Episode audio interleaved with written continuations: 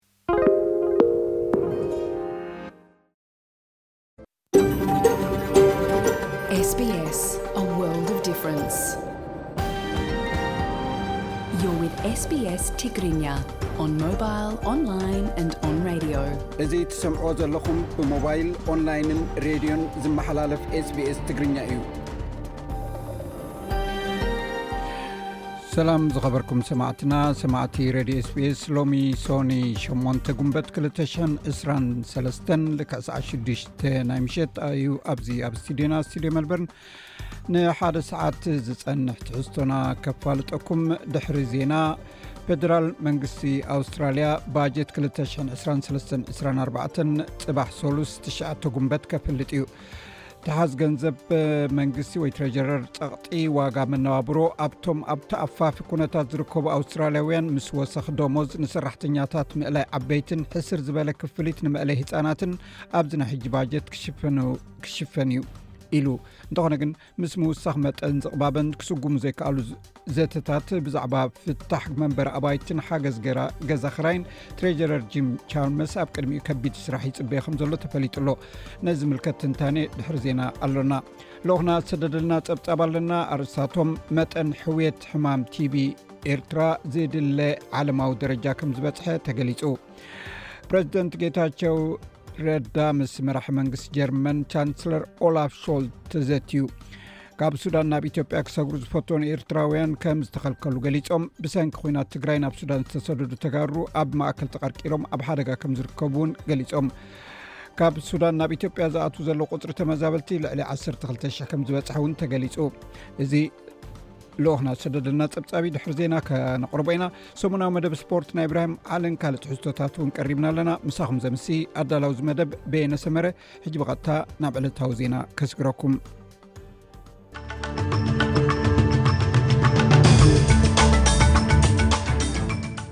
ዜና ንምጅማር ኣርስታት ዜና ፈደራል መንግስቲ ኣብ ዝቕፅል 4ተ ዓመታት ናይ መነባብሮ ፀቕጥታት ንምቅላል ልዕሊ 14 ቢልዮን ዶላር ወፃኢታት ክገብር እዩ ካብ ተዋጋእቲ ወገናት ሱዳን ዝመፁ ልኡኻት ነቲ ንሰለስተ ሰሙን ዝቐፀለ ግጭት ከኸትም ተስፋ ተገይሩሉ ዘሎ ዝርርብ ንምግባር ናብ ስዑዲ ዓረብ ኣትዮም ካብ ሱዳን ናብ ኢትዮጵያ ክሰግሩ ዝፈተኑ ኤርትራውያን ከም ዝተኸልከሉ ገሊፆም እዚ ሬድዮ ስፔስ ብቋንቋ ትግርኛ ዝፍኖ መደብ እዩ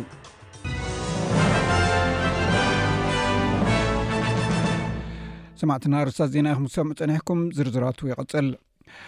ኣብ ምብራቕ ቪክቶርያ ብሰንበት ጉንበት ሸውዓተ ብመውጋእቲ ካራ ሰብ ምስ ተቐትለ ሓደ ሰብ ብቕትለት ተኸሲሱ እቲ ግዳይ ካብ መልበርን ሰለስተ ሰዓት ዝኸውን ርሒቓ ብ ትርከብ ሳለ ኣብ ዝርከብ መስቀላዊ መገዲ እዩ ተረኺቡ ፖሊስ ኣምቡላንስ ክፅበዩ ከለዉ ቀዳማይ ረድኤት እንተሃብዎ እኳ እቲ ግዳይ ግን ክሰርር ኣይከኣለን ብሰንበት ምሸት ኣብ ዘውፅኦ መግለፂ ፖሊስ ንሓደ ወዲ 2ስራ ዓመት መንእሰይ ብቕትለት ክሲ ከም ዝመስረተሉ ሓቢሩ ክሱስ ሎሚ ኣብ ቤት ፍርዲ ቀሪቡ ነይሩ ፌደራል መንግስቲ ኣብ ዝቕፅል ኣርባዕተ ዓመታት ናይ መነባብሮ ፀቕጥታት ንምቅላል ልዕሊ 14 ቢልዮን ዶላር ወፃኢታት ክገብር እዩ እቲ ፅባሕ ምሸት ብወግዒ ዝግለፅ ናይ ፌደራል ባጀት ን5.5 ሚልዮን ስድራ ቤታትን ንሓደ ሚልዮን ኣብያተ ንግድን ዝኸውን ናይ ፀዓት እፎይታ እውን ክህብ እዩ ከምኡውን ናይ ፀዓት ኣድማዕነትን ምምሕያሽን መድሃኒት ክሓስር ገለ ካብቶም ዝውሰዱ ስጉምትታት ክኾኑ እዮም ብተወሳኺ ንደለይቲ ስራሕ ተወሳኺ ኣርዓ ዶላር ኣብ ክልተ ሰሙን ወይ ፎርችናይትስ ክውስኽ እዩ እዚ ስጉምቲ እዚ ብ17 ነጥቢ 8 ቢልዮን ዶላር ዝትመን ኮይኑ ኣብ ቁጠባን ወፃኢታትን ዝውዕል እዩ ኣብ ልዕሊ ናይ ተለቃሕቲ ፀጋታት ፔትሮልዮም ግብሪ ኣብ ኣርባዕተ ዓመታት ናይ ክልተ ነጥቢ ኣርባዕተ ቢልዮን ዶላር ምቅያራት ክገብር እዩ ኣብቲ ጽባሕ ዝንገር ፈደራል ባጀት ብዛዕባ ዝቕባበ ዘሎ ሻቕሎት ነቲ ክትዕ ተቋጻጺርዎ ኣሎ ናይ ሰልፊ ተቃዋሚ ትረዥረር ኣንጉስ ተይለር ከም ትገልጾ እቲ ኣብ ፔትሮሊም ዝግበር ናይ ግብሪ ለውጢ ኣብ ሕፅረት ገንዘብ ኣሉታዊ ፅልዋ ከሕድር ይኽእል እዩ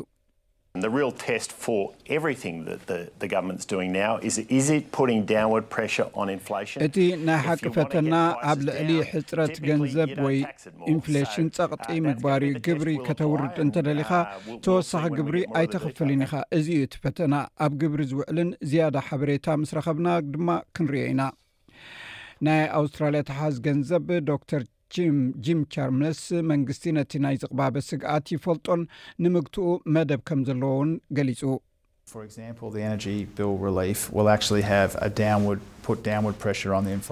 እቲ ንጸዓት ዝኽፈል ክፍሊት ብምጉዳል ኣብ ቘጽሪ ናይ ዝቕባበ ናብ ላዕሊ ዘይኰነስ ናብ ታሕቲ ዘውርድ እዩ ክኸውን። ካብ ተዋጋእቲ ወገናት ሱዳን ዝመፁ ልኡዃት ነቲ ንሰለስተ ሰሙን ዝቐፀለ ግጭት ከኸትም ተስፋ ተገይርሉ ኣብ ዘሎ ዝርርብ ንምግባር ናብ ስዑዲ ዓረብ ኣትዮም ኣለው እቲ ናይ ኣሜሪካን ስዑድን ተበግሶ ሰላም ኣብ መንጎ ሰራዊት መንግስትን ናይ ቅልጡፍ ደገፍ ሓይልታት ኣርኤስኤፍ ንዝካየድ ዘሎ ኩናት ደው ንምባል ናይ መጀመርያ ፈተነ እዩ መንጎኛታት ንሰላም መገዲ ከናድዩ እኳ እንተተሓተቱ ክልቲኦም ወገናት ግን ብዛዕባ ሰብኣዊ ኩነታት ጥራይ ከም ዝዘራረቡ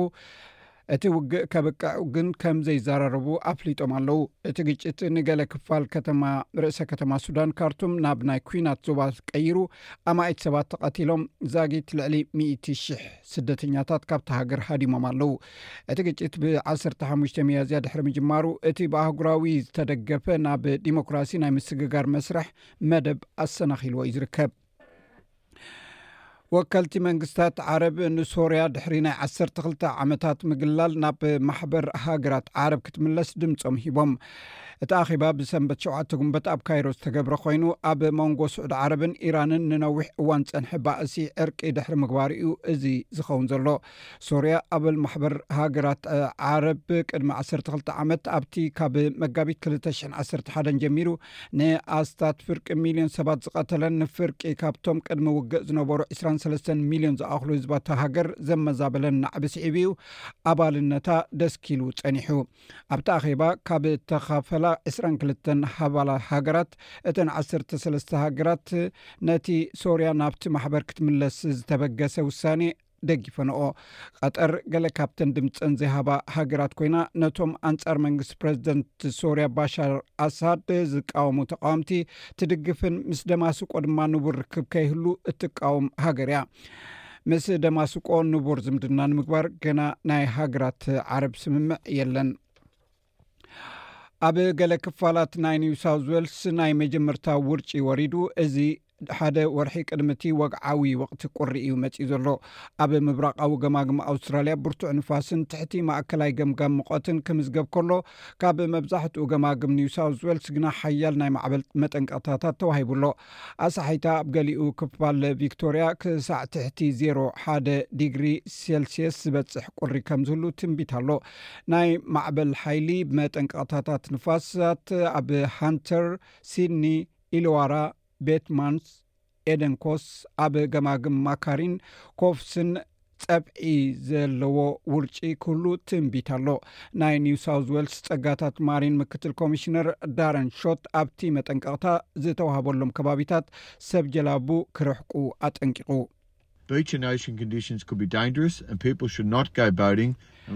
ገማግም ባሕርን ውቅያኖሳትን ኩነታት ሓደገኛ ክኸውን ስለ ዝኽእል ሰባት ድማ ግድን እንተዘይኮይኑ ክጅልቡ ኢሎም ናብኡ ክኸዱ የብሎምን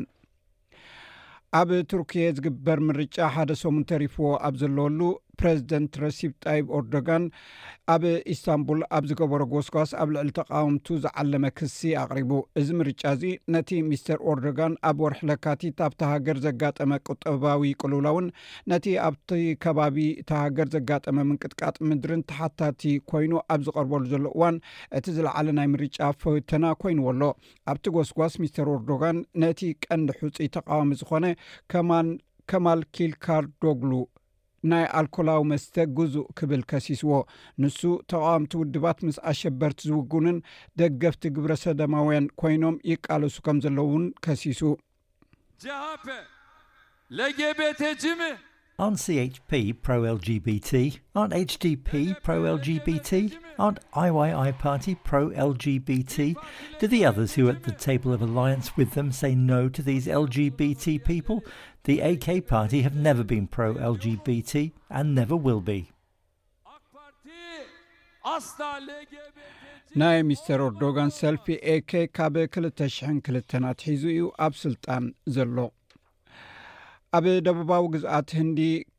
ኬራላ፣ ጃልቦኦም ኣብ ጥቓ ገማግም ባሕሪ ምስ በጽሐት ጥሒላ፣ ብወርሕዱ ዕስራ ሰባት ሞይቶም፣ ኣርባዕተ ሰባት ኣብ ሆስፒታል ተዓቚቦም ኣብ ሕማቕ ኩነታት ይርከቡ። እታ ጃልባ ኣብ ጥቓ ቶቫልቴራም ዝበሃል ገማግም ባሕሪ ታኑር ኣብ ኣውራጃ ማላፑርም ኣብ ግዝኣት ካሌርላ እትርከብ ከተማ ኮይና፣ ኣንስትን ቆልዑን ዝርከቦም ልዕሊ ሰላሳ ገያሾ ኣሳፊራ ነይራ። እታ ጃልባ ብምንታይ ከም ዝጠሓዘት ከም ዝጠሓለት ዛጊት ንጹር ኣይኮነን። ካብ ሱዳን ናብ ኢትዮጵያ ዝኣትዉ ዘለዉ ስረ ይቕሬታ ክደግሞ እየ ካብ ሱዳን ናብ ኢትዮጵያ ዝኣትዉ ዘለዉ ቁፅሪ ተማዛበልቲ ልዕሊ 1200 ከም ዝበፅሐ ተገሊፁ ነዚ ዝምልከት ፀብፃብ ኣለና ኣብ ሱዳን ብሰንኪ ኩናት ዝሃደሙ ኤርትራውያን ናብ ኢትዮጵያ ከይኣትዉ ከም ዝተኸልከሉ ገሊፆም ኤርትራውያን ተቐማጦ ካርቱም ነበርቲ ካብቲ ኩነታት ብምህዳም ናብ ኢትዮጵያ ንምእታው ኣብ ዝፈተንሉ እዋን ብክፍሊ ኢሚግሬሽን ኢትዮጵያ ከምዝተኸልከሉ ተዛሪቦም ኣለው። ጠንቂ መኸልከሊኦም ከኣ መንግስትኹም ኣይንቕበልን ስለዝበለ ናብ ሃገርና ኣይትኣትዉን ዝብል መልሲ ብሰብ መዚ ኢትዮጵያ ከምዝተውሃቦም ሓቢሮም። ንድምጺ ኣሜሪካ ኣብ ከተማ መተማ ኣብ ጎደናታት ወዲቕና ዝበሉ ካብ ካርቱም ሓሙሽተ ቆልዑ ሒዛ ናብቲ ቦታ ዝኸደት ሰላም እትበሃል'ውን ኣብ በዳሂ ኩነታት ከምዘለው ተዛሪቦም ኣለው። ፕረዚደንት ኢሳያስ ኣፈወርቂ ኣብ ቀረባ መዓልታት ንጉዳይ ሱዳን ብዝምልከት ምስ መሓውራት ዜና ውሽጢ ሃገር ኣብ ዘካየዶ ቃለ መሕትት ዶባት ሃገሮም ንዜጋታት ኮነ ዜጋታት ካልኦት ሃገራት ክፉት ምዃኑ ገሊጹ ነይሩ እዩ። ብግብሪ ክንደይ ኤርትራውያን ናብ ሃገሮም ከም ዝተመልሱ ግን ዝምልከት ሓበሬታ ዛጊድ የለን። ሰማዕትና ከም ልሙድ ሰሙናዊ ጸብጻብ ስፖርት ወይ ዜናታት ስፖርት ኢብራሂም ዓሊ ድሒሩ ከቕርቦ እዩ። ሒዝዎም ዘሎ ኣርእስታት እዞም ዝስዕቡ እዮም። ኣብ ውድድራት ጉያ እግሪ ኣልማዛዊ ሊግ ዶሓ ኣብ ውድድር 3,00 ሜትሮ ደቂ ተባዕትዮ ኢትዮጵያን ኣትሌታት ሰለስትኡ ቦታታት ፖድየም ብምውሳድ ተዓዊቶም ኣብ ማራቶን ፕራግ ኢትዮጵያዊት ወርቅነሽ እደሳ ተዓዊታ ቅድድም ብሽክለታ ጅሮዲ ኢታልያ ቀዳም ብቕድድም ቅልጣፈ ግዜ ተኸፊቱ ኤርትራውያን ኣማንኤል ገብሪ እግዚኣብሔር ናትናኤል ተስፋጽንን ሄኖክ ምሉብርሃንን ይሳተፉ ኣለዉ ኣብ ዜናታት ኩዕሶ እግሪ ናፖሊ ድሕሪ እዋናት ድያጎ ማራዶና ንፈለማ ግዜ ድሕሪ 33 ዓመት ሻምፕዮን ኢጣልያ ወይ ሴርያ ኮይና ኣብ ፕሪምየር ሊግ ዓዲ እንግሊዝ ከኣ ኣርሴናል ንኒውካስትል ናይ ኣሌክሳንደር ይስቅ ስዒራ ሻምፕዮን ናይ ምዃን ጸቢብ ተስፋ ኣለምሊማ ደገፍቲ ሊቨርፑል ኣብ ክንዲ ሃገራዊ መዝሙር ስም ጋንትኦም ኣቃሊሖም ስነ ስርዓት ምረቓ ንጉስ ቻርለስ ኣይግድሰናን ይብሉ ዝብሉ ገለ ትሕሶታት ንምልከቶም እዮም ክብራት ሰማዕትና ዝርዝር ዜና ስፖርት ድሒሩ ኢብራሂም ዓሊ ክምለሶ እዩ ዜና ቅድሚ ምዛምና ሎሚ ዝወዓለ ፋይናንስ ሓደ ናይ ኣውስትራልያ ዶላር 7ሰለስተ ናይ ኣሜሪካ ዶላር ሓደ ናይ ኣውስትራልያ ዶላር ሓ ሸ ሳንቲም ብሪትሽ ፓውንድ ሓደ ናይ ኣውስትራልያ ዶላር 64 ሳንቲም ዩሮ ከምኡውን ሓደ ናይ ኣውስትራልያ ዶላር 37 ናይ ኢትዮጵያ ብር ፅባሕ ዝውዕል ኩነታት ኣየር ቀንዲ ከተማታት ኣውስትራልያ ኣብ ፐርዝ 25 ዲግሪ ሴንትግሬድ ኣብ ኣደላይድ ክካፊ እዩ 18 ዲግሪ ሴንትግሬድ ኣብ መልበርን እውን ክዘንብ እዩ 15 ዲግሪ ሴንትግሬድ ኣብ ሆባርት ክዘንብ እዩ ዝለዕለ 15 ኣብ ካምቤራ ዝለዕለ 15 ዲግሪ ሴንትግሬድ ኣብ ሲድኒ 20 ዲግሪ ሴንትግሬድ ኣብ ብሪስበን ጸሓይ ክውዕል ዝለዓለ ዕስራን ሰለስተን ዲግሪ ሴንቲግሬድ ኣብ መወዳእታ ኣብ ዳርዊን ዝለዓለ ሰላሳን ኣርባዕተን ዲግሪ ሴንቲግሬድ ሰማዕትና ዜና ወዲና ኣለና ምስ ዝተረፉ ትሕዝቶታት መደብና ምሳና ክተምስዩ ደጊመ ዕድመኩም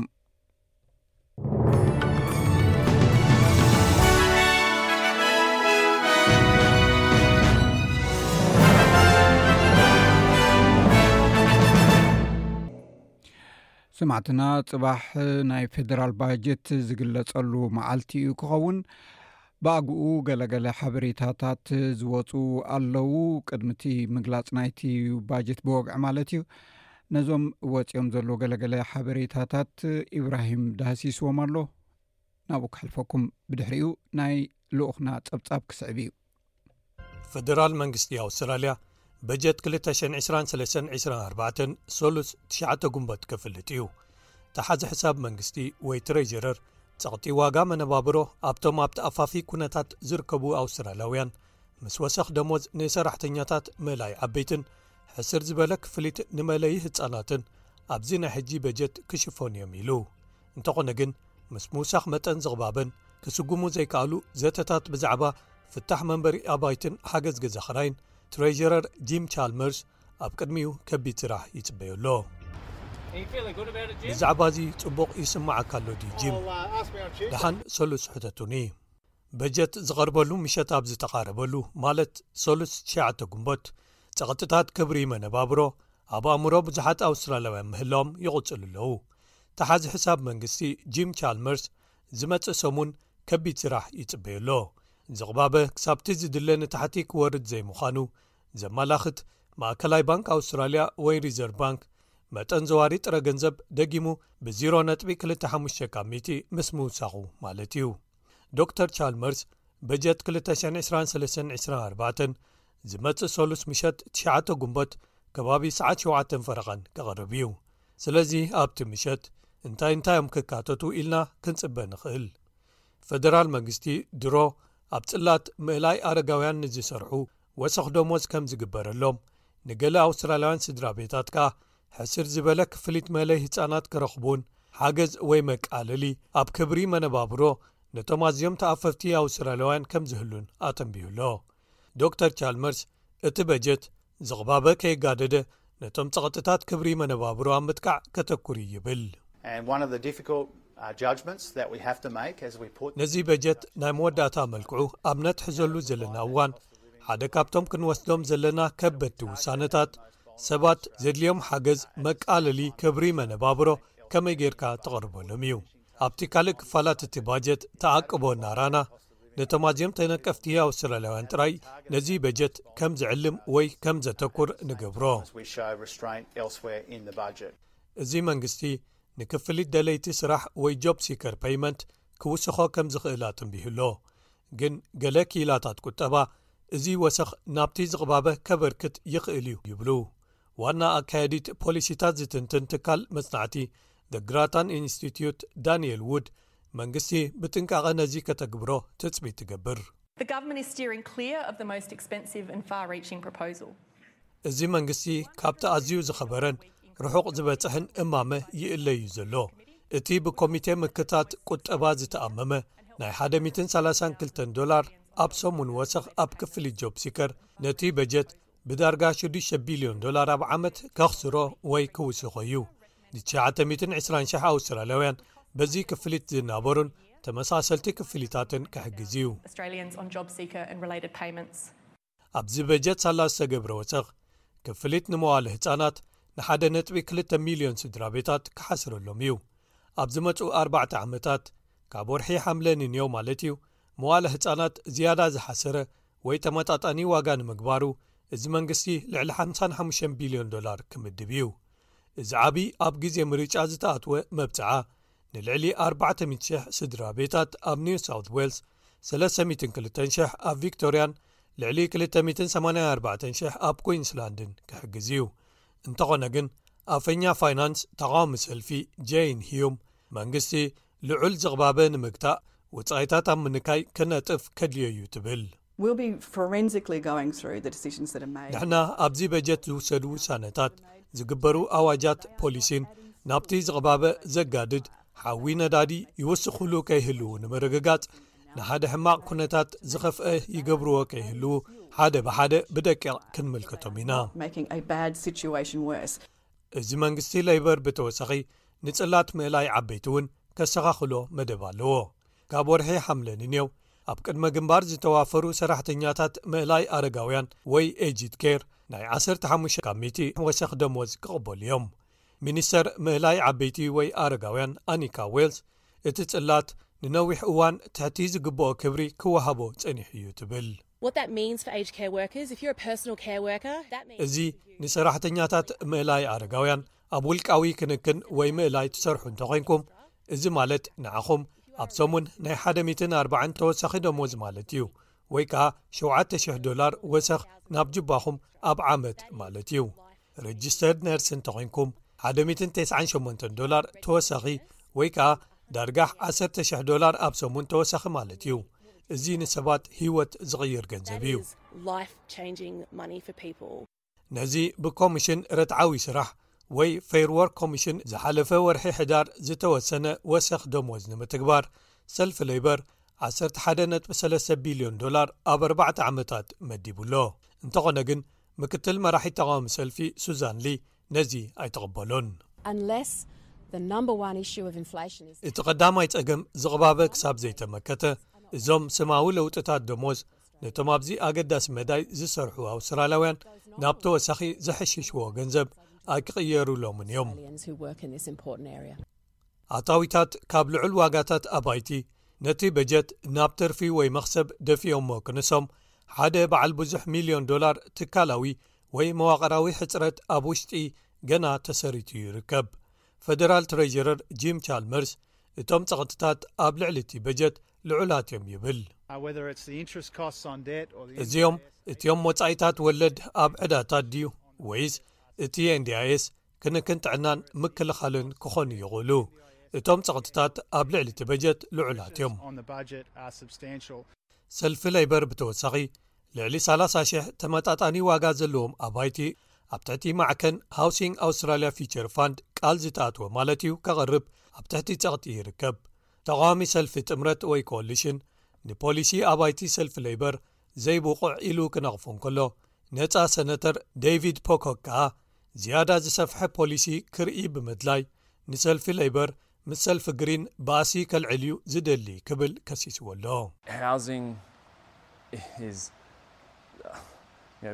እዚ ቅልውላው ኣባይቲ ኣብ መላእ ኣውስትራልያ'ዩ ንሰባት ዝስምዖም ዘሎ። እቲ መንግስቲ እቶም ዝዕልሞም ሽቶታቱ ከልዕሎም ወይ ክብ ከብሎም ኢና ብሓቂ ንደሊ። እዚ ብርግጽ እቲ መንግስቲ ክሃድመሉ ዝደሊ ዘሎ ይመስል። ምስ ሰልፊ ግሪንስ በዚ ጉዳይ ክፋጠጥ ጥራይ እዩ ዝደሊ ዘሎ። እዚ ዅሉ ሶሉስ በጀት ኣብ ዝቐርበሉ መዓልቲ ክግለጽ እዩ።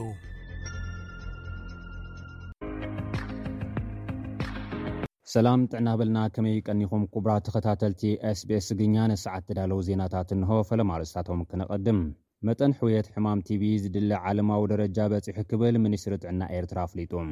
ፕረዚደንት ትግራይ ጌታቸው ረዳ ምስ መራሒ መንግስቲ ጀርመን ቻንስለር ኦላፍ ሾልዝ ዘትዩ። ሳልሳይ ወያነ ትግራይ ቤተሰብ ተጋደልቲ ኩነታት ዝጠፍኡ ደቆም ክንገሮም ሓቲቱ። ሕውየት ትግራይ ንትንሳኤ ምዕብልቲ ትግራይ ዝተሰምየ መድረኽ ተኻይዱ። ካብ ሱዳን ናብ ኢትዮጵያ ክሰግሩ ዝፈተኑ ኤርትራውያን ከይኣትዉ ከምዝተኸልከሉ ገሊፆም።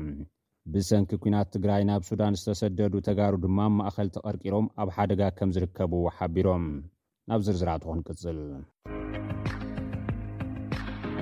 መጠን ሕውየት ሕማም ቲቪ ዝድለ ዓለማዊ ደረጃ በጺሑ ክብል ሚኒስትሪ ጥዕና ኤርትራ ኣፍሊጡ። ኣብ ኤርትራ መጠን ሕውየት ሕማም ቲቪ ነቲ ብውድብ ጥዕና ዓለም ዝተደልየ ደረጃ ምብጽሑ ሰብመዚ ሚኒስትሪ ጥዕና ኤርትራ ገሊጾም። ሓላፊት ሃገራዊት ምቁጽጻር ሕማም ቲቪ ሲስተር ሂወት ንጉሰ ንድምጺ ኣሜሪካ ኣብ ዝሃብኦ ሓበሬታ፣ መጠን መልከፍቲ ቲቪን ኤች ኣይቪ ኤድስን ትሕቲ ሰለስተ ነጥቢ ሓሙሽተ ሚኢታዊት ከምዝበፅሐ፣ መጠን ሕውየት ቲቪ ድማ ልዕሊ ቴስዓ ሚኢታዊት ከምዝበፅሐ ሓቢረን። እንተኾነ እቲ ሚኒስትሪ ንዓመታት ጠፊኦም ዝፀንሑ ዝበሎም ሕማማት ምቅልቓሎም ሓደሽቲ መልከፍትታት እውን ይረኣዩ ከምዘለዉ ሓቢሩ'ሎ። ፕረዚደንት ጌታቸው ረዳ ምስ መራሒ መንግስቲ ጀርመን ቻንስለር ኦላፍ ሾልዝ ተራኺቡ ተዛትዩ። ክልቲኦም መራሕቲ ኣብ ከተማ ኣዲስ ኣበባ ተራኺቦም ኣብ ምዕባለታት ዝተበፅሐ ስምምዕ ሰላም ፕሪቶርያ፣ ዝተረፉ ዕማማት፣ ተመዛበልቲ ዜጋታት ናብ መረበቶም ዝምለስሉ ጉዳይን ጉዳይ ቀረብ ሰብኣዊ ሓገዝን ኣመልኪቶም ከምዝተመያየጡ ገሊፁ ኣሎ። ፕረዚደንት ጌታቸው ብትዊተር ኣብ ዘርግሖ መልእኽቲ፣ ጀርመን ኣብ ዞባ ቀርኒ ኣፍሪካ ሰላምን ምርግጋእን ክመፅእ ኣብ ሕውየትን ህንፀትን ትግራይ ዝህልዋ ግደን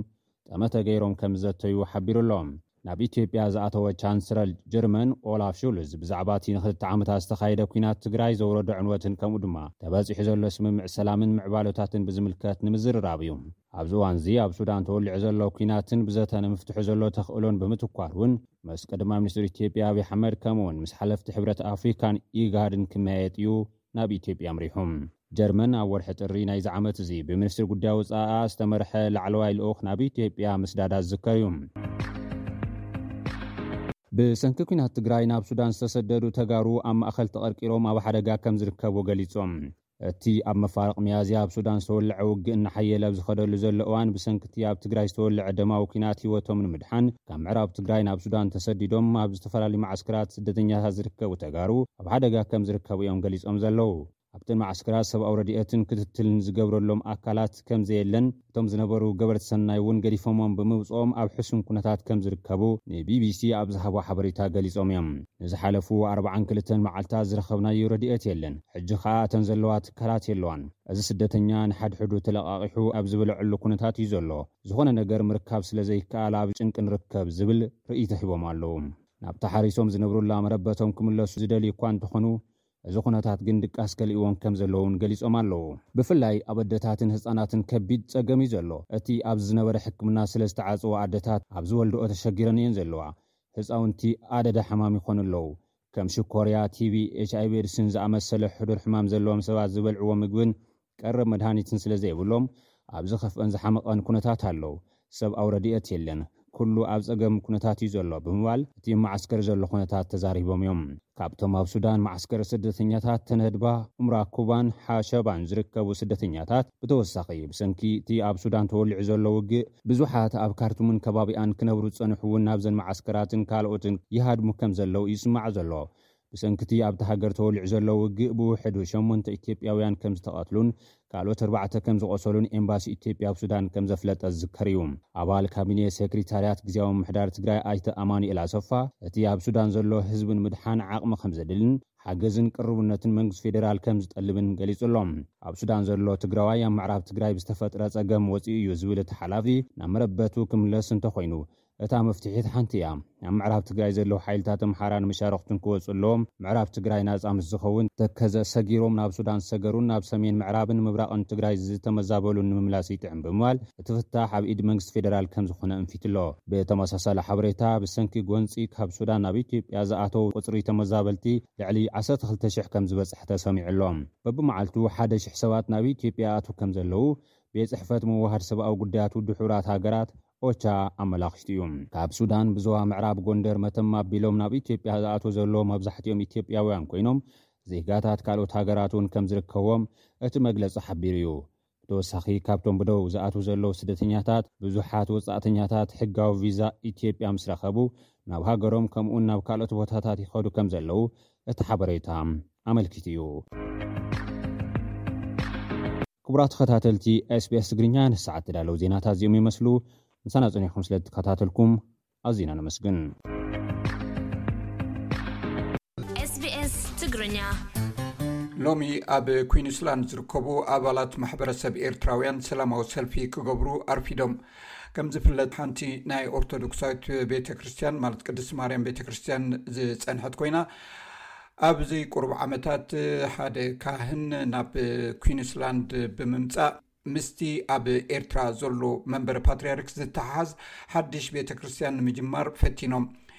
ነዚ ንምድልዳል እውን ኣብዚ ሰሙን ካብ ኤርትራ ብኣቡነ ባስልዮስ ዝምራሕ ልኡኽ ናብ ኩንስላንድ ኣምሪሖም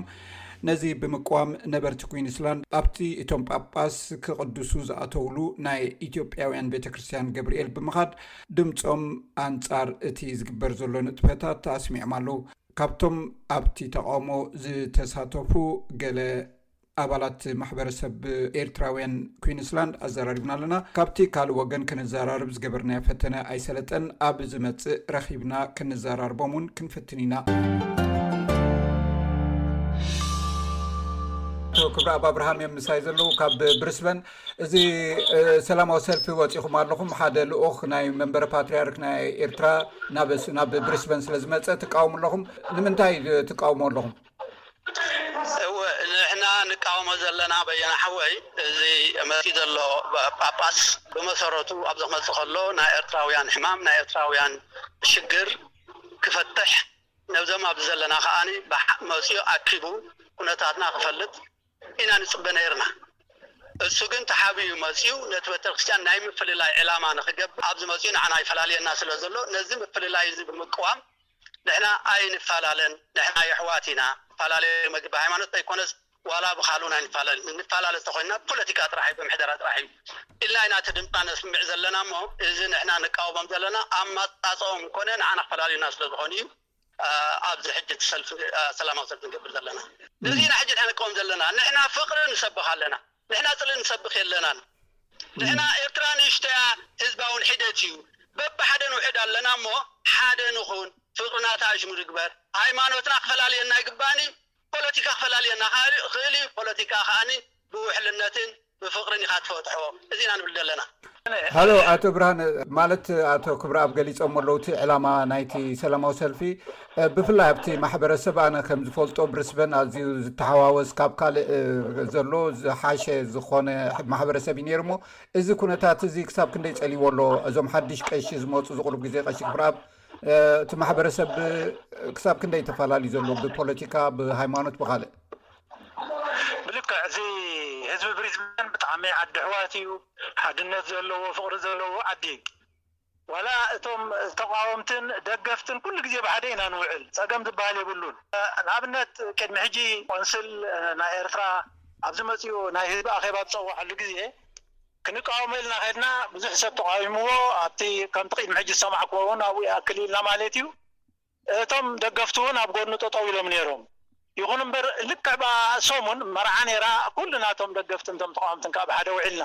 ኣብ ዝኾነ ማሕበራዊ ጉዳይ ህዝቢ ብሪዝበን ኣብ ሓደ እዩ ዝነብር። ሕጂ እውን ዝኾነ ኣብ መንጎና ኣምጺእዎ ዘሎ ፍልልይ ኣነ ኣይረኣየንን። ይኹን እምበር ሕጂ እውን ጸገም ዘምጽእ ኮይኑ እይስመዓንን እቲ ህዝቢ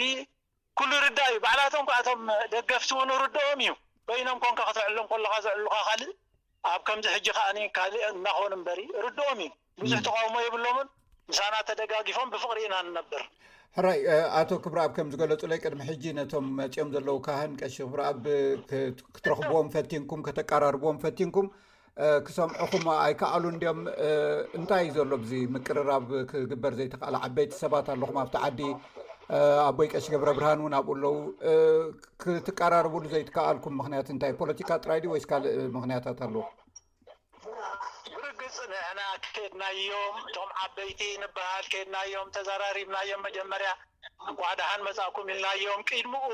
ቅይንምኡ እውን እቶም ደቆም ንክመፁ ብቤተክርስቲያን ሓገዝ ይገበረልና ተባሂሎም ኣብቲ ፕሮሰስ ዝካየድ ዝነበረ ተሓጋጊዝዎም ባዕሎም ምስ መፁ ንዕኦም ክመፁ እውን እቶም ደቆም ከምፅኦም ከለዉ ደብዳበታት ክልተ ግዜ ድዩ ገለ ደብዳበ ተዋሂቦም ተሓጋጊዝናዮም ማለት እዩ። ኣብ መጨረሻ ከዓ ምስ መፁ ብክብሪ ተቐቢልናዮም ከይድና በፂሕናዮም እንኳዕ ደሓን መፃእኩም ኢልናዮም። ምጹና እንታይ ደኣልኩም ስቕ ኢልኩም ኣብዚ ገዛ በይንኹም ተፈሊኹም ኢልናዮም ኣይመጹናን ክመጹና ኣይከኣሉን ድሕሪ ነዊሕ ዘረባ ሓወቦኻ ክንድቦኻ ክኸውን ኣይክእልን እዩ ንሕና ከኣ በቦታትና በቶም ናይ ዓዲ ደኣ ክንምራሕ ኣለና እምበር ብምስራውያንን ብኻልእ ንምንታይ ንምራሕ ኢሎምና ማለት እዩ ንሕና ከኣ ብኣብነ ኣንጦንዮስ ዝምእከል ብኣብነ ኣንጦንዮስ ዝኣምን ቤተ ክርስትያን እዩ ዘለና ኬድናዮም ኣብ መጨረሻ ንዓይ ዝመስል ቤተ ክርስትያን ክገብርየ ኣይትምጹኡኒ ኢሎም ኣብዮምና ማለት እዩ ስለዚ ንሕና ፈቲንና ኢና እዚ ቤተክርስትያን እዚ ብክብሪ ተቐቢልዎም ተሓጒስና ነርና ዝመጹና መሲሉና ኣይኮነን ግን ስለዚ ኬድናዮም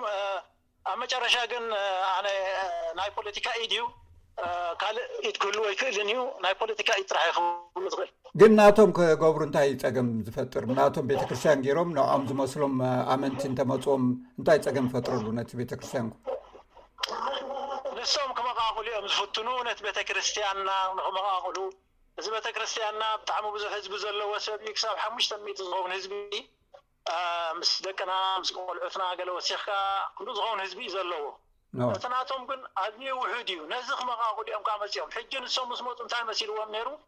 ግምዕ ኢሉ ህዝቢ ናብኦም ዝኸይድ እዩ መሲልዎም ነይሩ እሞ ኣይኮነን ምናልባት ሓሙሽተ ሰባት እንትኾኑ እዚኦም ከዓ እቶም ዝኸዱ ከዓ ብዓንተበውን ልቦም ምሳና ዘይነበረ አ፣ ንይምሰል ጥራሕ ምሳና ዝኸዱ ዝነበሩ እዮም ፍሉጣት እዮም ከዓ ነይሮም ንሶም ጥራሕ እንተዘይኮይኑ ዋላ ሓንቲ ዝኸደ የለን ሕጂ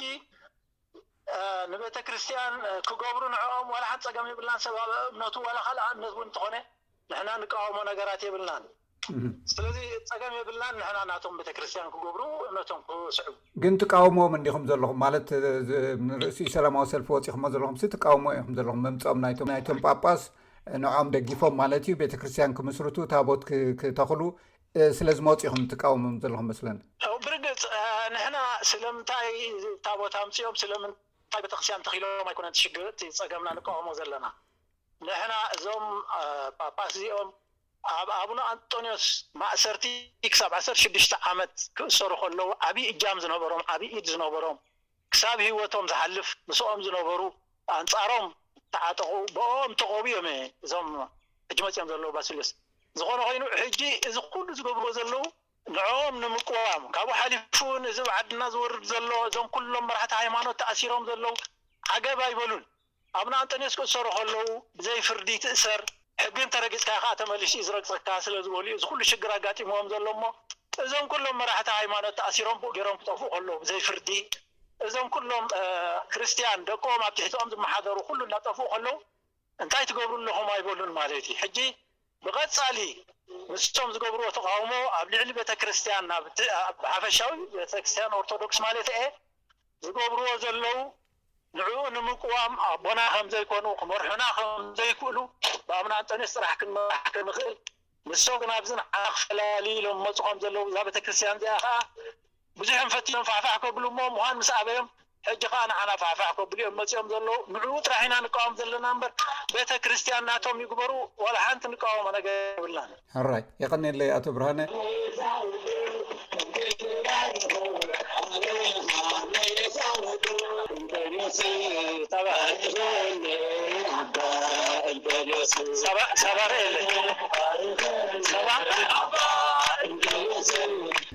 ሕጂ ብፍላይ እቲ መልእኽትኹም ናብ መን ዝዓለመ እዩ ሕጂ ንዕኦም ጥራይ ድዩ ወይስ ንመንግስታዊ ኣካላት እውን ዝዓለመ እዩ እቲ ትገብሮ ዘለኹም ስለ- ሰልፊ እ፣ ንኹሉ ዝዓለመ እዩ እቲ መልእኽትና እ፣ መንግስቲ ካብ ቤተ ክርስቲያና ኢዱ ከውፅእ እቶም ዕሱባት ናይዚ ስርዓት እዚ ኮይኖም ዘለዉ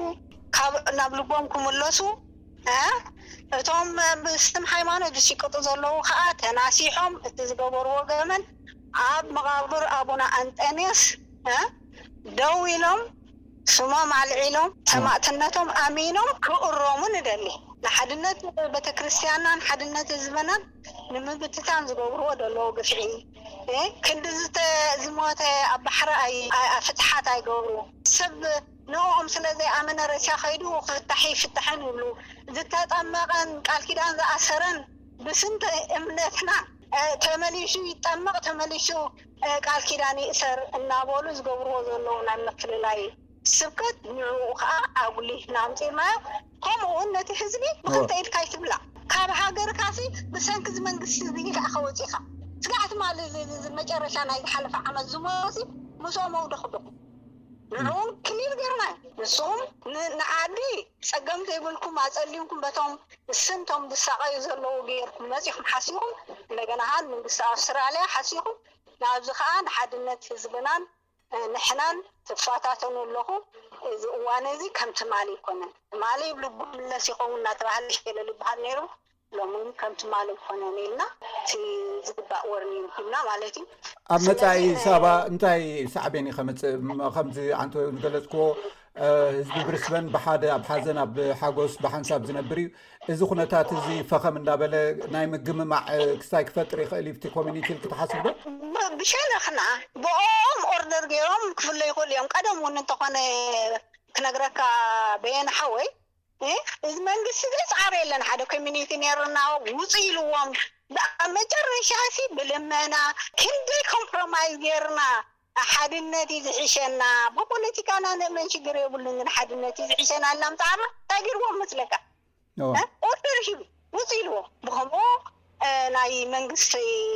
ክስታይ ጌሮም ከይዶም ድሕሪ ንሕና እንታይ ኢልና ኣንቱም ሰባት ንሕና ምስኦም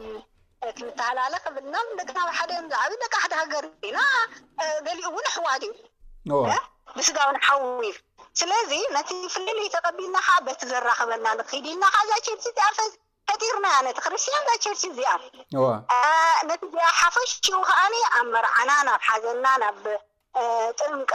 ጥምቀትና ከዓ ንሕና ነቲ ንሶም ዝፈጥርዎ ጽልኢ እናተግበርና ከኣ ገርናዮም ኣልሚስናዮም ማለት እዩ። ሕጂ ነዚኣ ከኣ መለካ ሓሙስ ቀሺ ምጽኦም እቲ እቲ ቀሺስ ባዕልና ደም ጻልያ ማለትሲ ነቶም ደቆም ከመይ ገርና ክንሕስቦም ነርና ደቅና ቤተክርስትያና ኣብ መጨረሻ ከኣ ነቶም ቀሺ ክመጹ ከለዉ ከኣ ሳፖርት ሌተር ሂቡቲ ቸኪና ኣብዚኣ መጺኡ ግን ሓንቲ መዓልቲ ውን የቀንየለይ ኣይበለን ከም ሰብ ኣብቲ ቤተክርስትያን መጺኡ እንታይ እዩ ዝሰረሐ ክልተ ሰለስተ ግዜ ድዩ ክልተ ግዜ ከኣ ዓበይቲ ሽማግለታት ሰዲድካ፣ ንሽማግለ ናይቲ ማሕበር ሰዲድካ ከኣ ተሓቲቱ፣ ኣብ ኣብታ ናይ ምፍለ ሳኢ ኣምጺኣቶ፣ ሳኢ ኣምጺኣቶ ኣብኣ ቆጺሉ፣ ንውልኻ ከኣ ብዓቢኡ ፈላሲ ሓጢኣት ከኣ ንውልካ መጺኦም ማለት እዩ። ሕጂ ብዓይኒ ሓቂሲ ንሃይማኖት ፈላሲ ግደፍ ፈላሲሲ ንሃይማኖት ሰብ እንተ ኾንካሲ ትሃድም ዲኻ? ከምቲ ግቡእሲ እንተ ኣይደቀየ እንተ ኣይጉዳይኩም እንታይ ትብሉና ድዩ ክብል ዘለዎስ ተሓቢኡ፣ ቁንጣሮታት ብዝተፈላለየ ብወገንን ብኻልእን ብፖለቲካን ሰቢኽካ ብዝስጋዓ ሰዲህካ ተሓቢእካ ክትከይድ ንፍተን ካብ ህዝቢ ከኣ ኣይትሕባእን ኢኻ ነዚ ኣበይ ይገብርዎ ክንረክብ ስለዘይገበርናዮ ጻዕሪ ኣይነበረን ፋይናሊ ግን ብሓይሊ ኣምላኽ ተዓዊትና። ሕራይ እሞ ምናልባት ናይ መወዳእታ ሕቶይ እዚ ሰላማዊ ሰልፊ እንታይ እንታይ እዩ ከፍሪ ኢልኪ ትጽበይ እንታይ እዩ ውጽኢቱ ይኸውን? እቲ ውጽኢት እንታይ ይመስለካ? ነቶም ኣብ እምነቶምን ኣብ ህዝቦምን ስቅያት ህዝቦምን ዝርድኡ ብሓደ ደምጸኤ ዓቢ ትብዓት ዘርኣየ ክኸውን ከሎ ነቶም ተሓቢኦም ኣብ ውሻጠ ንዓኻ መስሉ ንብዙሕን ሒደትን ዝዛረቡ ድሕሬኻ ከኣ ካልእ ስራሕ ዝሰርሑ ዘቃልዕ ኮይኑ ብዓቢኡ ግን እንታይ ኢዩ ነቲ ህዝቢ ኤርትራ መድረኽ ናይ ህዝቢ ኤርትራ ንመሰሉ ጠጠው ዝብሃለሉ ብፍላይ ከኣ ኣማናይ ተዋህዶ ብፍላይ ከኣ ነዚ ሓድነት ናይዞም ክልተ ኣቦታትና መቀርስን ሽኖዳን ኣትንኪ ዓቢ ውጺኢት ክህልዎ ኢዩ ነቲ ሓቀኛ ኦርቶዶክሳዊ ብሓደ ምምጻእን በርቲዑ ንቕድሚት ምድፋን፣ ነዚ ኩሉ እውን ኣብ እስላማ ይኹን ኣብ ካልእ ኣማናይ ዝገብርዎ ግፍዒ ቅቡል ከም ዘይኮነ ንልምድን ባህልን ናይ ህዝቢ ኤርትራ ኣቦታትና ብእምነት ኣይፈላለዩን እዮም ይካባበሩ እዮም ነዚ ምክብባር እዚና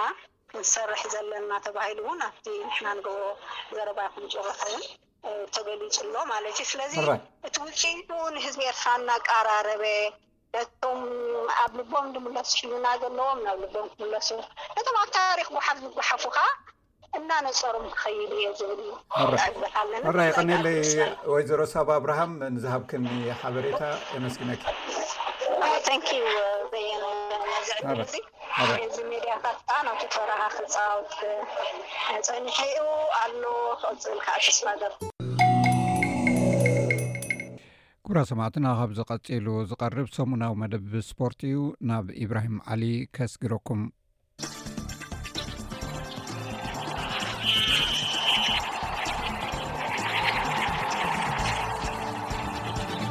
ሰላም ተኸታተልቲ ሰሙናዊ መደብ ስፖርት ስቤስ ትግርኛ ኢብራሂም ዓሊየ ከመይ ቀኒኹም ኣብ ናይ ሎሚ መደብና ኣብ ውድድራት ጉያ እግሪ ኣልማዛዊ ሊግ ዶሓ ኣብ ውድድር 3,00 ሜትሮ ደቂ ተባዕትዮ ኢትዮጵያን ኣትሌታት ሰለስትኡ ቦታታት ፖድየም ብምውሳድ ተዓዊቶም ኣብ ማራቶን ፕራግ ኢትዮጵያዊት ወርቅነሽ እዴሳ ተዓዊታ ቅድድም ብሽክለታ ጅሮዲ ኢታልያ ቀዳም ብቕድድም ቅልጣፈ ግዜ ተኸፊቱ ኤርትራውያን ኣማንኤል ገብሪ እግዚኣብሔር ናትናኤል ተስፋጨንን ሄኖክ ምሉ ብርሃንን ይሳተፉ ኣለዉ ኣብ ዜናታት ኩዕሶ እግሪ ናፖሊ ድሕሪ እዋናት ድያጎ ማራዶና ንፈለማ ግዜ ድሕሪ 33 ዓመት ሻምፕዮን ኢጣልያ ወይ ሴርያ ኮይና ኣብ ፕሪምየር ሊግ ዓዲ እንግሊዝ ከኣ ኣርሴናል ንኒውካስትል ናይ ኣሌክሳንደር ይስቅ ስዒራ ሻምፕዮን ናይ ምዃን ጸቢብ ተስፋኣ ኣለምሊማ ደገፍቲ ሊቨርፑል ኣብ ክንዲ ሃገራዊ መዝሙር ስም ጋንትኦም ኣቃሊሖም፣ ስነ ስርዓት ምረቓ ንጉስ ቻርለስ ኣይግድሰናን ይብሉ ዝብሉ ገለ ትሕዝቶታት ንምልከቶም እዮም። ሰናይ ምክትታል። ዝሓለፈ ቀዳም ኣብ ዶሓ ቀጠር ኣብ ዝተኻየዱ ውድድራት ጉያ እግሪ ኣልማዛዊ ሊግ ዶሓ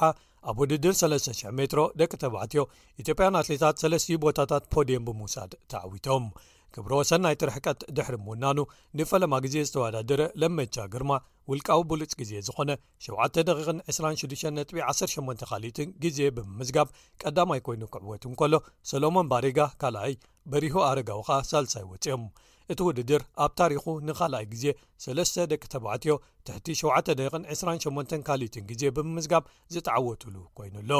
ኣብ ውድድር ሸሕነ ሓሙሽተ ሚእቲ ሜትሮ ደቂ ኣንስትዮ ኬንያዊት ፈይዝ ኪፕዮገን ኣብ ዓለም መሪሕ ዝኾነ ግዜ ብምምዝጋብ ክትዕወት እንከላ ኢትዮጵያውያን ድሪበ ወልተጅን ፍረወይኒ ሃይሉን ካልኣይትን ሳልሰይትን ክወጻ ከም ዝኸኣላ ተፈሊጡ ኣሎ። ብኻልእ ወገን ኣብ መበል ዕስራን ሸውዓተን ዓለምለኻዊ ውድድር ማራቶን ፕራግ ኢትዮጵያዊት ወርቅነሽ እዴሳ ክልተ ሰዓትን ዕስራ ደቂቕን ኣርባዓን ክልተን ካልኢትን ግዜ ብምምዝጋብ ተዓዊታ ኣብቲ ሰለስተ ኬንያውያን ተኸቲለናኣ ካብ ካልኣይ ክሳብ ራብዓይ ዝኣተዋሉ ውድድር ስንታዮ ለውጠኝ ሻድሸይቲ ወፅኣ ብወገን ደቂ ተባዕትዮ ኣብ ዝተኻየደ ተመሳሳሊ ውድድር ኬንያዊ ኣሌክሳንደር ሞቲሶ ሙንያዮ ተዓዋቲ ክኸውን እንከሎ ሲሳይ ለማ ካልኣይ ኮይኑ መታው ተፈሊጡሎ። መበል 16 ዓመታዊ ቅድድም ብሽክለታ ዙር ኢጣልያ ወይ ጅሮዲ ኢታልያ ቀዳም ቅድድም ቅልጣፈ ግዜ ብምክያድ ተኸፊቱ እዚ ካብቶም ዓበይቲ ውራያት ቅድድም ብሽክለታ ወይ ግራንድ ፕሪ ቀዳማይ ዝካየድ ኮይኑ ብዓወት ቤልጂማዊ ኣባል ጋንታ ሶዳል ኩክ ስቴፕ ሬምኮ ኤቫነፖል ተጀሚሩ ኣብዚ ዕስራን ሓደን መድረኻት ዘካትት ቅድድም ኤርትራውያን ኣማንኤል ግብሪ እግዚኣብሔርን ናትናኤል ተስፋጽዮንን ካብ ጋንታ ትሬክ ሰጋ ፍሬዶን ሄኖክ ሙሉ ብርሃን ከኣ ካብ ጋንታ ግሪን ፕሮጀክት ባድያኒ ሲስf ፋይዛነ ይሳተፉ ኣለዉ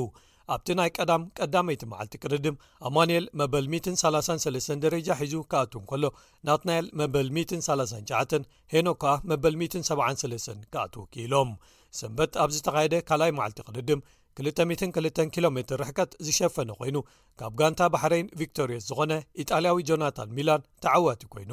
ሄኖክ ዝለዓለ ውፅኢት ዘመዝገበ ኤርትራዊ ብምዃን መበል 127 ካቱ እንከሎ ናትናኤል መበል 162 ኣማንኤል ከኣ መበል 170ናት እዮም ክሳብ ሕጂ ተኻይዶም ኣብ ዘለዉ ክልተ ዙራት እምበኣር ማርኮ ኤቫኖፐል መሪሕነት ክሕዝ እንከሎ ሄኖክ ናትናኤልን ኣማኑኤልን መበል 1636670 ተርታታት ተሰሪዖም ተሳትፎም ይቕጽሉ ከም ዘለዉ ተፈሊጡ ኣሎ ጅሮዲ ኢታልያ ግንቦት 28 ኣብ ከተማ ሮማ ክዛዘ ምዃኑ ተፈሊጡ ኣሎ ኣብ ዜናታት ኩዕሶ እግሪ ናፖሊ ድሕሪ እዋናት ህቡብ ኣርጀንቲናዊ ዲያጎ ማራዶና ንፈለማ ግዜ ሻምፕዮን ጋንታታት ኩዕሶ እግሪ ኢጣልያ ወይ ሴሪኣ ኮይና ሰላሳን ሰለስተን ዓመት ዝተጸበየት ናፖሊ ዝሓለፈ ሰሙን ኣንጻር ኡድኔዜ ኣብ ዝነበራ ግጥምያ ሓንቲ ነጥቢ ጥራይ ተድልያ ነይራ ሻምፕዮን ክትከውን ናይጀርያዊ ኣትከዓይ ቪክቶር ኦሲመን ኣብ መበል 52 ደቂ ግጥም ዘመዝገባ ሽቶ ከኣ ኣብቲ ሓደ ማዕረ ዝተዛዘመ ግጥም ሻምፕዮን ንክትገብራ ኣኻሊት ነይራ እታ ጋንታ ኣብዚ እዋን ሓሙሽተ ግጥማ ተሪፍዋ ኣብ ዘሎ ነዚ ወቕቲ ክዛዘም መቐናቕንታ ከርክብኣ ዘይክእላ ናይ ዓሰርተ ሽዱሽተ ነጥብታት ፍልልይ ፈጢራ ኣብ መሪሕነት መሳልል ጋንታታት ዓዲ ጥልያን ትርከብ ኣላ እዚ ንናፖሊ ድሕሪታ ኣብ 1990 ብገዲም ኮኸብ ኩዕሶ እግሪ ዓለም ዲያጎ ማራዶና ትምራሕ ዝነበረት ማራዶና ኣብ ምውዳእ ናይቲ ንሸውዓተ ዓመታት ምስታ ጋንታ ዝጸናሓሉ እዋን ማለት እዩ ናይ ፈለማ ሻምፒዮና እዩ ዝኸውን ዘሎ ግጥም ኣንጻር ኡድኔዚ ምስ ተዛዘመ ኣብቲ ግጥም ዝነበሩ ደገፍታ ንሜዳ ብምውራር ምስ ተጻወቶም ዓወቶም ከብዕሉ እንከለዉ ከተማ ናፖሊ ብታሕጓስ ብኽያት ርችታት ዕጣንን ትክን ሳዕስዒትን ፈንጠዝያን ነበርታ ንሓያሎ መዓልታት ተዋሒጣ ኣብ ፈቐዶ ጎደናታት እታ ደቡባዊት ኢጣልያዊት ከተማ ደገፍቲ ኣብ ዝረኸብዎ ኣግራብ ኣባይትን ፓሎታት መብራህትን ተሰቒሎም ሓጎሶም ገሊጾም ምስልታት ናይቲ ኣብ 1987 ንፈለማ ግዜ ሻምፕዮን ክኾኑ ዝገበረን ኣብ 1990 ከኣ ዝደገሞምን ማራዶና ዘለዎም ባንዴራታት ፈቐዱ ኣውለብሊቦም ብኻልእ ወገን ኣብ ግጥማት ፕሪምየር ሊግ ዓዲ እንግሊዝ ኣርሴናል ሻምፕዮን ክትከውን ዘለዋ ጸቢብ ተስፋ ንምልምላም ኣንጻር ኒውካስትል ዩናይትድ ናይ ኣሌክሳንደር ይስቅ ገጢማ ክልተ ባዶ ስዒራ እዚ ንኣርሴናል ፍልልያ ምስ ማንቸስተር ሲቲ ናብ ሓደ ነጥቢ ከተጽብብ ንኒውካስል ከኣ ናይ ሳልሳይ ደረጃ ቦታኣ ንምድልዳል ወሳኒ ግጥም ነይሩ። ሓለቓ ጋንታ ኣርሴናል ማርቲን ኦደጋርድን ተኸላኻላይ ኒውካስል ባዕሉ ናብ ልዳቱ ዘመዝገባን ሽቶታት ተጠቒማ ከኣ ኣርሴናል ምረሻኣ ትቕጽል ኣላ። ኣቐዲማ ማንቸስተር ሲቲ ቀዳም ምሸት ኣብ ዘካየደቶ ግጥም ኣንጻር ሊድስ ዩናይትድ ክልተ ብ ሓደ ስዒራ ነይራ'ያ። ክልቲኤን ሽቶታት ማንቸስተር ሲቲ ጀርመናዊ ኣከፋፋሊ ኢልካይ ጉንደዋን ኣመዝጊቡወን እንተኾነ ግን ድሒራ ዝረኸበታ ፍጹም ቅለዕ መቕጻዕቲ እቲ ማሽን ጎላት ኮይኑን ክብረ ወሰናት ዝሓማሽሽ ዘሎን ኖርወጃዊ ኤርሊንግ ሃላንድ ባዕሉ ኣብ ክንዲ ዝሃርማ ንኢልካይ ጉንደዋን ሳልሰይቲ ሽቶ ወይ ሃትሪክ ክትኮነሉ ብምባል ገዲፍሉ እንተኾነ ግን ሽቶ ከይተመዝገበት ምስ ተረፈት ኣሰልጣኒ ጋንታ ሲቲ ፔፕ ጋርድዮላ ኣይተሓጎሰን ባዕሉ ክሃርማ ከም ዝነበሮ ከኣ ንሃላንድ ብዘየወላውል ሓቢርዎ። ብወገን ማንቸስተር ዩናይትድ ኣንጻር ዌስትሃም ኣብ ዘካየደቶ ግጥም ብጸቢብ ሓደ ባዶ ተሳዒራ ኒውካስትል ድሕሪ ምስዓራ ዝረኸበቶ ዕድል ከይተጠቕመትሉ ተሪፋ ኣላ። እታ ሽቶ ብጌጋ ሓላው ልዳት ዴቪድ ደሄያ ስለ ዝኣተወት ንሱ ምስታ ጋንታ ዝጸንሓሉ እዋናት መመሊሱ ኣብ ምልክት ሕቶ የእትዎ ኣሎ። ሊቨርፑል ብወገና ራብዓይ ደረጃ ንኽትረክብ ተካይዶ ዘላ ምረሻ ብምቕጻል መሓመድ ሳላሕ ብዘመዝገባ ሓንቲ ሽቶ ንብሬንፈርድ ስዒራታ ኣላ እቲ ቐንዲ ኣርስቲ ኣብዚ ግጥም ሊቨርፑል ኣብ ሜዳ ኣንፊልድ ዝነበረ ግን ብምኽንያት ስነ ስርዓት ምስያም ወይ ምረቓ ንግስነት ንቻርለስ ሳልሳይ ኣብ ኩሉ ሜዳታት ኩዕሰ እግሪ ሃገራዊ መዝሙር ብሪጣንያ ቅድሚ ግጥማት ክዝመር ኣብ ዝተገብረሉ ደገፍቲ ሊቨርፑል ብፋፃን ዓውታ ድምፅን ምጉርምራምሮም እዩ ነይሩ እቶም ደገፍቲ ነቲ ሃገራዊ መዝሙር ከም ዘይስማዕ ገይሮምዎ ጥራይ ዘይኮነ ስም ጋንትኦም እናደጋገሙ ኣቃሊሖም ስም ሊቨርፑል ኣብ ግዜ ሃገራዊ መዝሙር ምቅላሕ በዞም ደገፍቲ ልሙድ ተግባር እዩ ጀርመናዊ ኣሰልጣኒ የርገን ክሎፕ ብዛዕባ እዚ ጉዳይ ምስ ተሓተተ ኣነ ኣብዚ ጉዳይ ርእይቶ የብለይን ዝብል መልሲ ክህብ እንከሎ እታ ጋንታ ከኣ እዚ ውልቃዊ ምርጫ ናይቶም ደገፍቲ እዩ ክትብል መልሲ ሂባ ደገፍቲ ሊቨርፑል ዝሓለፈ ዓመት እውን ፍፃመ ግጥም ዋንጫ ማሕበር ኩዕሶ እግሪ ዓዲ እንግሊዝ ወይ ኤፍኤ ካፕ ቅድሚ ምክያዱ ሃገራዊ መዝሙር ኣብ ዝዝመረሉ ዝነበረ እዋን ንልዑል ዊልያም ወይ ፕሪንስ ዊልያም ብዝተመሳሳሊ ኣገባብ ኣጉሮምሪሞምሉ እዮም ኣብ ግጥም ኣንጻር ፉልሃም ዝሓለፈ ሰሙን እውን እቲ ስነ ስርዓት ምስያም ወይ ምምራቕ ንግስነት ኣይንደልዮን ዘስምዕ ጸርፍታት የዝንቡ ነይሮም ደገፍቲ ሊቨርፑል ካብ ሰማንያታት ኣትሒዞም እዮም ኣብ ልዕሊ ሃገራዊ መዝሙሮም ከጉረምርሙ ዝጀመሩ።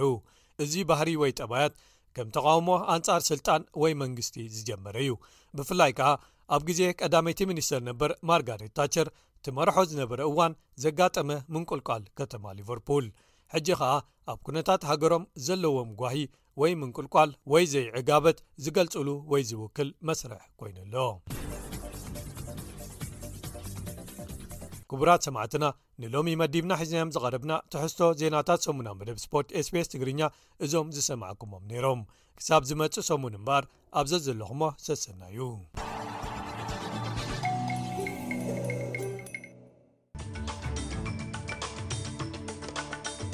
ክቡራት ሰማዕትና ናይዚ ምሸት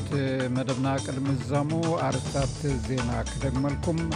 ፈደራል መንግስቲ ኣብ ዝቕፅል ኣርባዕተ ዓመታት ናይ መነባብሮ ፀቕጢ ንምቅላል ልዕሊ 14 ቢልዮን ዶላር ወፃኢታት ክገብር ምዃኑ ተፈሊጡ ተዋጋእቲ ወገናት ሱዳን ዝመፁ ልኡኻት ነቲ ንሰለስተ ሰሙን ዝቐፀለ ግጭት ከኸትም ተስፋ ተገብረሉ ዝርርብ ናብ ስዑዲ ዓረብ ኣትዮም ካብ ሱዳን ናብ ኢትዮጵያ ክሰጉ ዝፈተኑ ኤርትራውያን ከም ዝተኸልከሉ ገሊፆም ሰማዕትና ንሎሚ ዝበልናዮም ትሕዝቶታት ወዲና ኣለና ኣብ ናይ ሓሙስ መደብና ዝተፈላለዩ ትሕዝቶታት ሒዝና ክንመለሰኩም ኢና ክሳብ ሽዑ ሰላም ቅነዝምነልኩም ንሳኹም ዘምሰኹ ኣዳላዊ ዚ መደብ ቤነ ሰመረ ክብሮ ክንሸጥ